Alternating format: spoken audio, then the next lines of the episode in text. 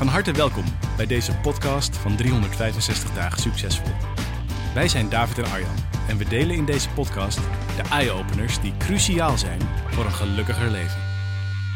Van harte welkom bij deze podcast van 365 dagen succesvol. Tegenover mij staat David, ik ben Arjan en we gaan in deze podcast met jou de diepte in over een onderwerp wat denk ik bij bijna iedereen in zijn leven op een bepaald moment wel een keertje speelt, namelijk de relatie met jouw familieleden.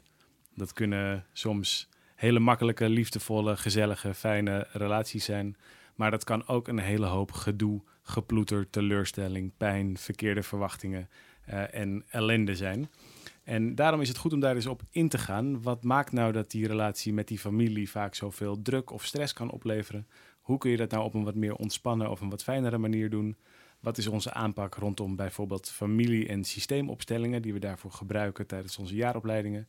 En zijn er nog andere manieren hoe je hiernaar kunt kijken, zodat het misschien wat makkelijker wordt allemaal? Dat is wat we met elkaar willen bespreken in die tijd uh, die we hiervoor hebben in deze podcast, Daaf. Ben je er klaar voor? Zeker. Nou, het is leuk. Het onderwerp van hoe overleef ik mijn familie, dat, dat blijft toch een terugkerend nou, pijnpunt of in ieder geval leerpunt voor heel veel deelnemers in onze programma's. Waarom is dat, denk je? Nou, een van de um, grootste oorzaken volgens mij is de evolutie. Huh? Gaan we het over Darwin hebben? Ja. Oké, vertel. Nou, kijk, evolutionair gezien, uh, en, en het lijkt langzaam te gaan, omdat wij natuurlijk per seconde, per minuut, per dag enzovoort leven. Maar als je dat over heel veel generaties bekijkt, dan zijn wij behoorlijk veranderd uh, hoe wij leven. Als je mm -hmm. het uh, 50 generaties, 100, 150 generaties, 1000 generaties terug bekijkt, Zeker. dan uh, hebben wij een heel ander soort uh, leven. En hoe komt dat? Omdat wij elke generatie een stapje zetten richting een, iets nieuws. We, ja. we, veranderen elke generatie een klein beetje. Ja. Maar in die verandering, daar zit een soort onvermijdelijkheid in. Namelijk omdat jij alweer anders bent dan jouw ouders, ontgroeien als het ware je ouders. Oké. Okay. En in, in, die ontgroeiing, je ontgro en als broers en zussen precies hetzelfde. Je gaat namelijk een andere kant op. Ja. Anders was je namelijk allemaal wel hetzelfde gebleven en had evolutie eigenlijk geen zin. Nee. Dan heb je gewoon de hele, de hele tijd een soort gezellig ganzenbord uh, familie, wat dan altijd, altijd zo blijft. Ja. Oh, wat vinden we elkaar aardig en oh, wat, wat zijn we allemaal hetzelfde gebleven. Ja. Dat zou eigenlijk makkelijker zijn. Ja. Maar ja, er is nog zoiets als evolutie. Ja. Nou, verder gaan dan waar het systeem is gebleven, is misschien wel onbewust de opdracht van jou. Van elk kind. Van elk kind. We zijn allemaal kinderen. Ja. In ieder geval allemaal kinderen geweest. Ja. En misschien is het dus wel die groei die je ook fysiek doormaakt. Van 1 naar 2 en je kunt ineens lopen en dan weer Mhm. verder. En dan ga je naar school en dan kun je ineens dit en dan kun je zwemmen en fietsen enzovoort. Allemaal van die dingen die je nooit meer kunt afleren. Zo zit er ook de drang in om jezelf verder te ontwikkelen. Dus je gaat iets creëren wat er vaak nog niet is. Ja. En dat zorgt er dus voor dat jij per definitie een eigen wereldbeeld ontwikkelt. Anders dan dat van je ouders. Het lastige is alleen dat je daarmee dus ook niet meer begrepen wordt. En dat is volgens mij een van de belangrijkste kindbehoeftes. Ja, want je ziet zoveel. Nou, in ieder geval komen wij in onze programma's veel mensen tegen die daarmee worstelen. Die het idee hebben dat ze als kind niet gezien zijn, maar dat ze ook Ja. later in hun keuzes die ze in hun leven hebben gemaakt, Ja. niet daarin gesteund worden of misschien zelfs niet begrepen worden. En, en dat ze in zekere zin worden afgewezen op wie ze in essentie zijn. Nou, ze En- worden daar niet op afgewezen, maar ze hebben het gevoel dat ze worden afgewezen. Ja, Ehm, en, en soms worden ze ook wel heel letterlijk op afgewezen. Maar ik denk niet dat het de taak is, nog de intentie van de meeste ouders om hun eigen kinderen af te wijzen. nee, het komt voor natuurlijk, maar het zal. Het eh, komt dat- voor, maar in essentie... het vaker zo beleven dan dat het werkelijk gebeurt. Ja, of, of het kind spiegelt een oude pijn van een ouder Ja. die zij dan weer als kind hebben. En daarmee wijzen ze eigenlijk alsnog niet hun eigen kinderen af. Maar goed, nou wordt het wat te technisch. Het, ehm, maar, het hele idee dat je dus onbewust, in ieder geval tot nu toe onbewust, jezelf eigenlijk evolueert. Dus je, je bent verder aan het gaan. Dat maakt dat niet alleen je ouders jou niet meer begrijpen, maar dat jij ook jezelf heel vaak niet meer begrijpt. Dan stel jezelf maar eens die vraag: hoe goed begrijp ik mezelf eigenlijk? Hoe goed ken ik mezelf eigenlijk? Nou, als je daar heel eerlijk antwoord op geeft, of daar een tijdje stil op bent en dan antwoord op geeft, dan kom je erachter dat je eigenlijk nooit antwoord kunt geven op die vraag. Want zelfs als je er al achter zou kunnen komen wie je bent, ben je alweer verder geëvolueerd. Dan ben je alweer iemand anders geworden. Want dan heb je namelijk de gedachte, hé, hey, oh, dan ben ik klaarblijkelijk zo. Maar met die gedachte ben je alweer iemand anders. Et cetera, et cetera, et cetera. Dus je komt nooit op het punt dat je jezelf werkelijk begrijpt. Ja, de waarneming verandert de ervaring. Ja. Exact. Nou, nou even terug naar die ouders. Of jij eigenlijk in het licht van je ouders. Je wil zo graag begrepen worden. Je wil zo graag gezien worden. Dat is zo'n mens mm, drive, zou je kunnen Mhm. zeggen. Het is zo'n verlangen van ieder mens om, om, om, om geknuffeld en geliefd en gezien en, en, en begrepen te worden. Er mogen zijn. Ja, dat je er gewoon mag zijn, dat het allemaal oké is, dat je dat Ja. ook even hoort. En Heb je dat gevoel dat je er gewoon mag zijn? nee, zeker niet. Nee, dat heb ik nu wel beter geleerd. En het is heel fijn dat ik daar een, een waanzinnige relatie op heb met mijn liefje. En dat we dat elkaar zo kunnen geven van tijd tot tijd. Maar zeker ook als ik naar mijn eigen systeem kijk, dan zat het aan best wel wat, in mijn wereld dan in ieder geval, eh, en hoe ik het denk te begrijpen, dat zat aan best wel wat voorwaarden. Ja. Bijvoorbeeld, ik kom zelf uit een eh, topsport eh. Dus mijn, mijn ouders en, en, en mijn broer en mijn zus eh, zeer begnadigde sporters. Ja. Nou, ik was wat minder begnadigde sporter. Ik denk dat ik nog een eindje had kunnen komen, maar zeker niet op dat niveau. Maar dat was wel de taal en de cultuur. Dus er werd gegeten rondom, eh, eh, of speciaal gekookt voor maaltijden voor topsporters. Nou ja, ik kwam daar met mijn gitaar en mijn lange haar en, eh, en mijn pret-sigaretjes. Daar had ik niet zo heel veel aan. Hè, dus het, het, snap je wat ik bedoel? Dus, Ja. dus om begrepen te worden door het systeem van oorsprong... had ik eigenlijk gewoon mee moeten gaan in dat topsportstuk. Want dat is wat ze snappen. Ja. Alleen dat paste gewoon niet zo goed bij mij. Dus ik ben een andere route gaan Ja. lopen. Dient ten gevolge dat ik me ook vaker eenzaam heb gevoeld. Maar je zou dan, als je het zo zegt, zou je ook kunnen zeggen dat er juist in het feit dat je niet wordt begrepen door je ouders, of dat je je niet thuis voelt daar, of Ja. dat je je niet gezien voelt, daar zit eigenlijk een, eh, een hele grote kans om jezelf beter te leren kennen. Want ik ben daar nu heel erg dankbaar voor. Ja, het is een soort van Ja. het, het cadeau van het contrast of zo. Omdat Exact. je, je ziet in je ouders, zie je wie je zelf niet bent. Of je ziet wat je niet, welke dingen jij Of niet belangrijk wel. vindt. Of wat Ja, jij juist wel belangrijk vindt. Wat zij misschien weer minder belangrijk vinden. En daarmee zijn ze als het ware de ultieme eh, spiegel voor je. Om te leren hoe jij eigenlijk in het leven staat. Exact. En doet het er dus veel minder toe of dat hetzelfde is. En of zij het met jou eens zijn. En of jij je in hen terugziet. En of zij zichzelf in jou terugzien. Maar het doet er vooral toe dat je via je ouders jezelf eindelijk kunt zien. Nou, wat je veel ziet in de relatiedynamiek eh, tussen ouder en kind, maar ook trouwens in liefdesrelaties, is dat je probeert, bijvoorbeeld ik mijn vader, in mijn wereld te krijgen. Mijn wereld Ja. is een behoorlijk andere dan wat hij gewend is vanuit nou, bijvoorbeeld dat, die topsportmentaliteit. Het gaat vaak om winnen, spelletjes, trainen, beter worden, nou, dat soort dingen. Ja. In mijn wereld gaat het over hele andere waarden. Ja. Gaat het over meditatie, yoga, muziek maken, nou noem maar hele, hele andere. Ja. eh, hele, al, al- al- ja, ik ben meer de happiness en hij is meer, eh, hoe heet dat? Runners World. Voetbal eh, magazine. ja, VI. VI, ja, Voetbal International. Dat bij wijze van spreken. Eh, en, en dan zie je dat er twee totaal verschillende werelden zijn. Nou, wat heb ik nou ongeveer de helft van mijn leven eh, eh, proberen te doen? Hem in mijn wereld te krijgen. Mhm. Op de meest bizarre manieren. De meest uiteenlopende ehm, vormen om hem maar te laten zien. Of eigenlijk te, tegen mij te zeggen, joh, wat knap, wat fijn, heb ik een hoop van geleerd. En, en dank je wel. Eigenlijk zou ik het ook zo moeten doen. Je, eigenlijk was je jezelf aan het verkopen aan je vader en moeder? Nou, ik was eigenlijk aan het proberen te veranderen, zodat ze op mij zouden gaan lijken, waardoor ik natuurlijk weer meer geaccepteerd zou worden thuis. Zoiets. Oh, ja, ja. Dat is volkomen kansloos natuurlijk, want Ja. eh, ze kwamen gewoon nooit.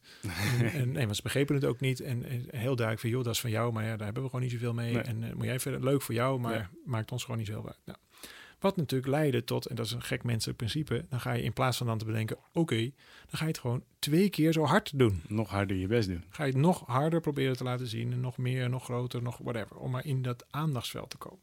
Dus ik probeer als het ware mijn vader of mijn ouders in mijn wereld te krijgen. Vice versa gebeurt natuurlijk ook. Als opvoeder probeer je eh, je, je, kinderen in jouw wereld te krijgen. Dus mijn vader die nodigt mij regelmatig uit om bijvoorbeeld te gaan golfen. En golfen is helemaal zijn ding. En dan ehm, eh, nodigt hij mij uit om met hem te gaan golfen. Dan ben ik in zijn wereld. Nou, dat heb ik heel lang voor afschuwd. Want Ja. ik, ik vond dat allemaal maar stom. En dat is eh, knikkeren voor bejaarden. Dat is het trouwens ook wel een beetje. Maar het, het, dat, dat, dat stuk. Totdat ik op een gegeven moment op het inzicht kwam. Wacht nou eens even. Ik kan hem misschien alleen maar ontmoeten in zijn wereld. Want mijn wereld is dusdanig geëvolueerd, is dusdanig veranderd. Dat was ook precies de bedoeling. Dat is helemaal oké. Dat is misschien zelfs wel de bedoeling. Want op het moment dat hij mijn wereld ineens zou snappen, dan is er eigenlijk helemaal geen evolutie.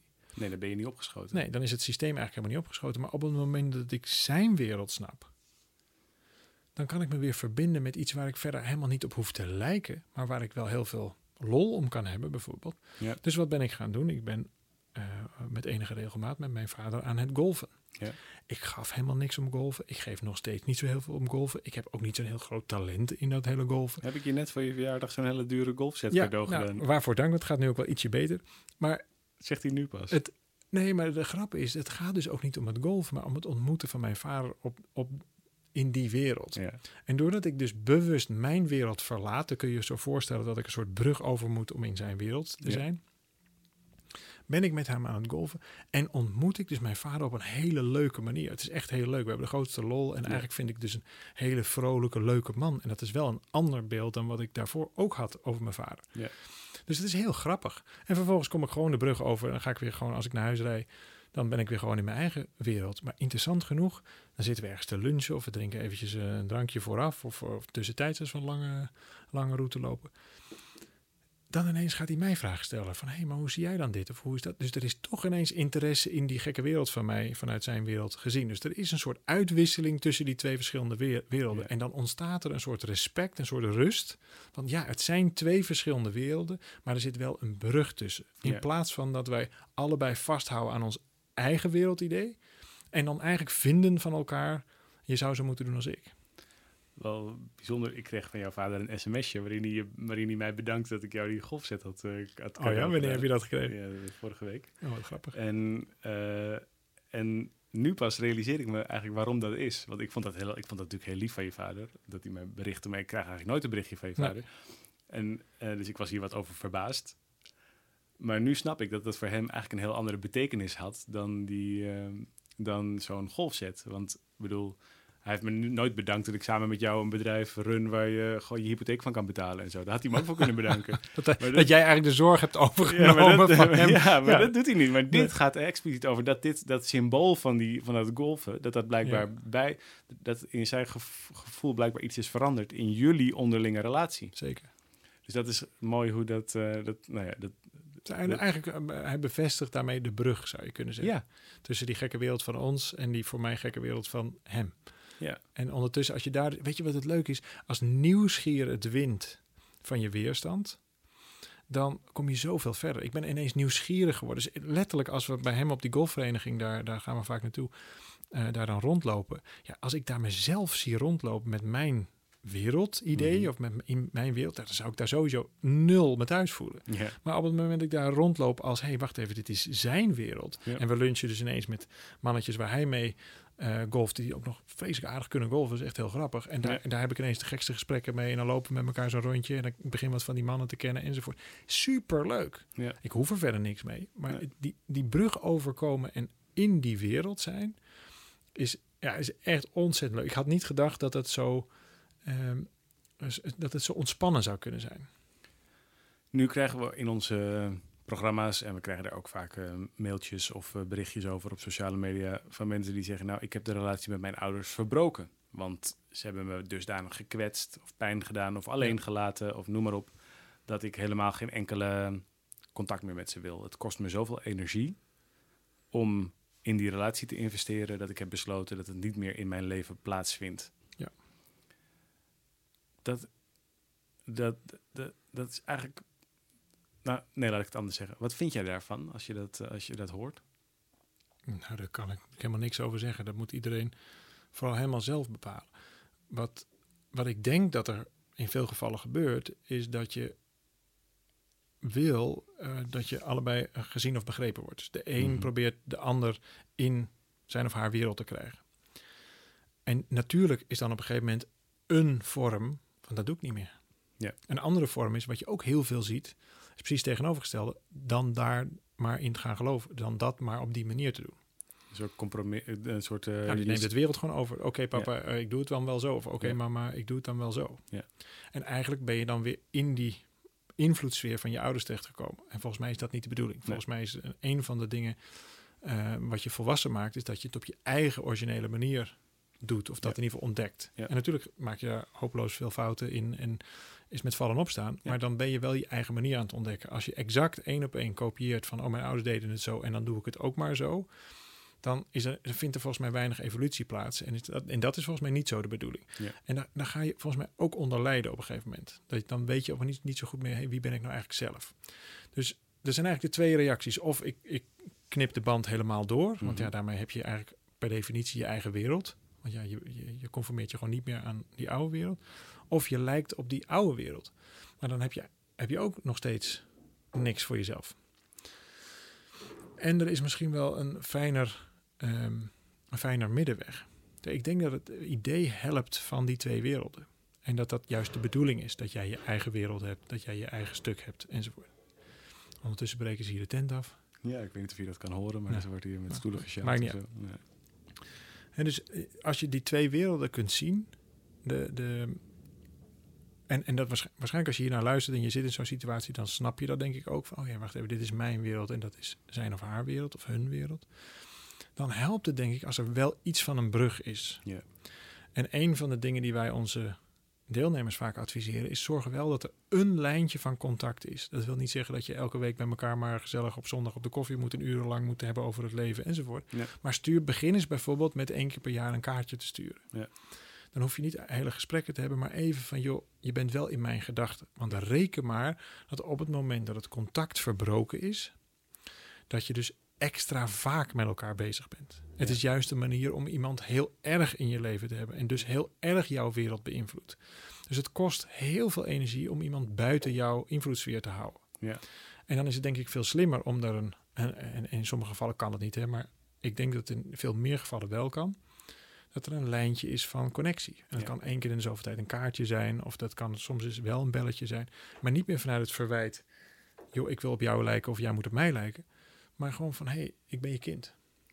Maar ook, kijk, we hebben wel eens gezegd natuurlijk, eh, en volgens mij is dat ook onderdeel van veel van de ehm, systeemopstellingen, bijvoorbeeld die jij wel eens op podium maakt, dat je niet alleen maar ouders hebt, maar dat je ook je ouders bent. Omdat, weet je, die zaadcel, die eicel kwamen ooit bij elkaar, die werden samen één nieuwe cel. Jij bent die cel, want die cel ging zich splitsen en dat werd uiteindelijk jij.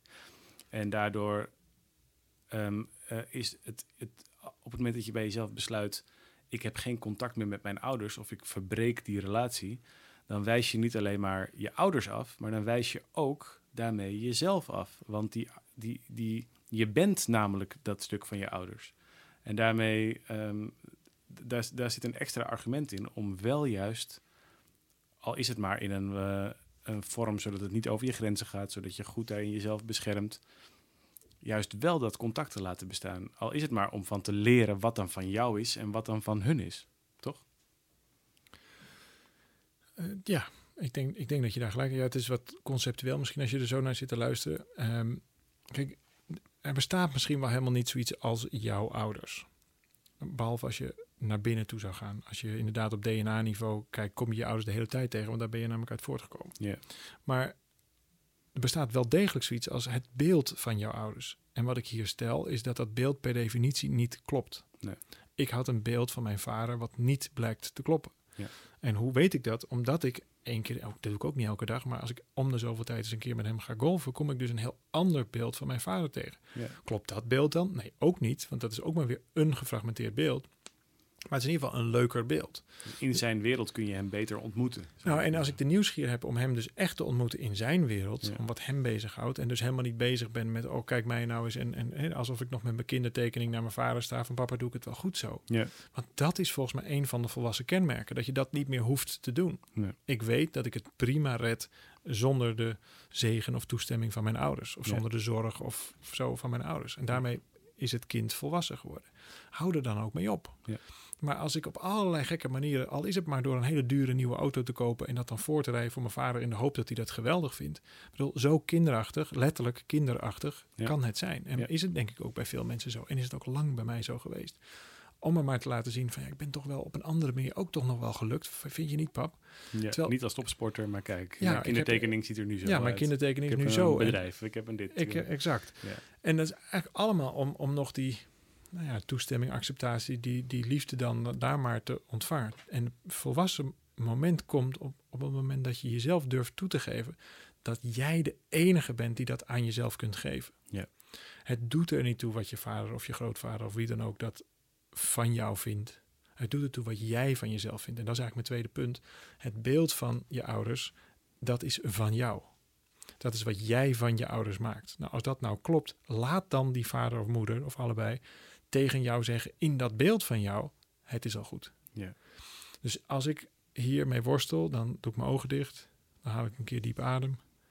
Dan stel ik mijn vader voor me of mijn moeder voor me of allebei. En dan laat ik ze letterlijk, ongeacht of ze dat ooit wel of niet tegen me zeggen, maakt helemaal niet uit. Maar dan laat ik dat in dat beeld gewoon tegen mij zeggen. Dat doe ik gewoon zelf. En eigenlijk geef ik mezelf dus daarmee toestemming. Want dat is wat we eigenlijk nodig hebben. Een soort startschot. Vanaf hier begint je eigen leven. En, eh, doe maar, ren maar, doe maar. Ja. Heb ik er toch nog weer een beetje sport in gefietst. Maar goed, dat, dat beeld heeft mij ontzettend geholpen. Dat ik eigenlijk dat beeld in stand hield van mijn ouders. Die eigenlijk liever misschien hadden gehad dat ik wel iets in de sport had gedaan. Wat natuurlijk ook helemaal niet waar is. Maar in ieder geval in dat beeld van mij. Want weet je, daar zit belang in. Als ik dat beeld in stand hou. Dan hoef ik nooit te beginnen. Je kunt je verschuilen achter het oordeel Daar zit ouders. winst in. Ja. En dat doe je bij heel veel van die keuzes die je maakt. Heel veel gedrag wat je vertoont, daar zit een onderwater belang in. Ja. Dus doordat ik maar steeds met dat gedoe en geworstel, et cetera, dat, dat geprojecteerd op mijn ouders bezig was, hoefde ik nooit echt te beginnen. Hoefde ik nooit echt verantwoordelijk te zijn. En werd ik dus nooit echt volwassen. Ja.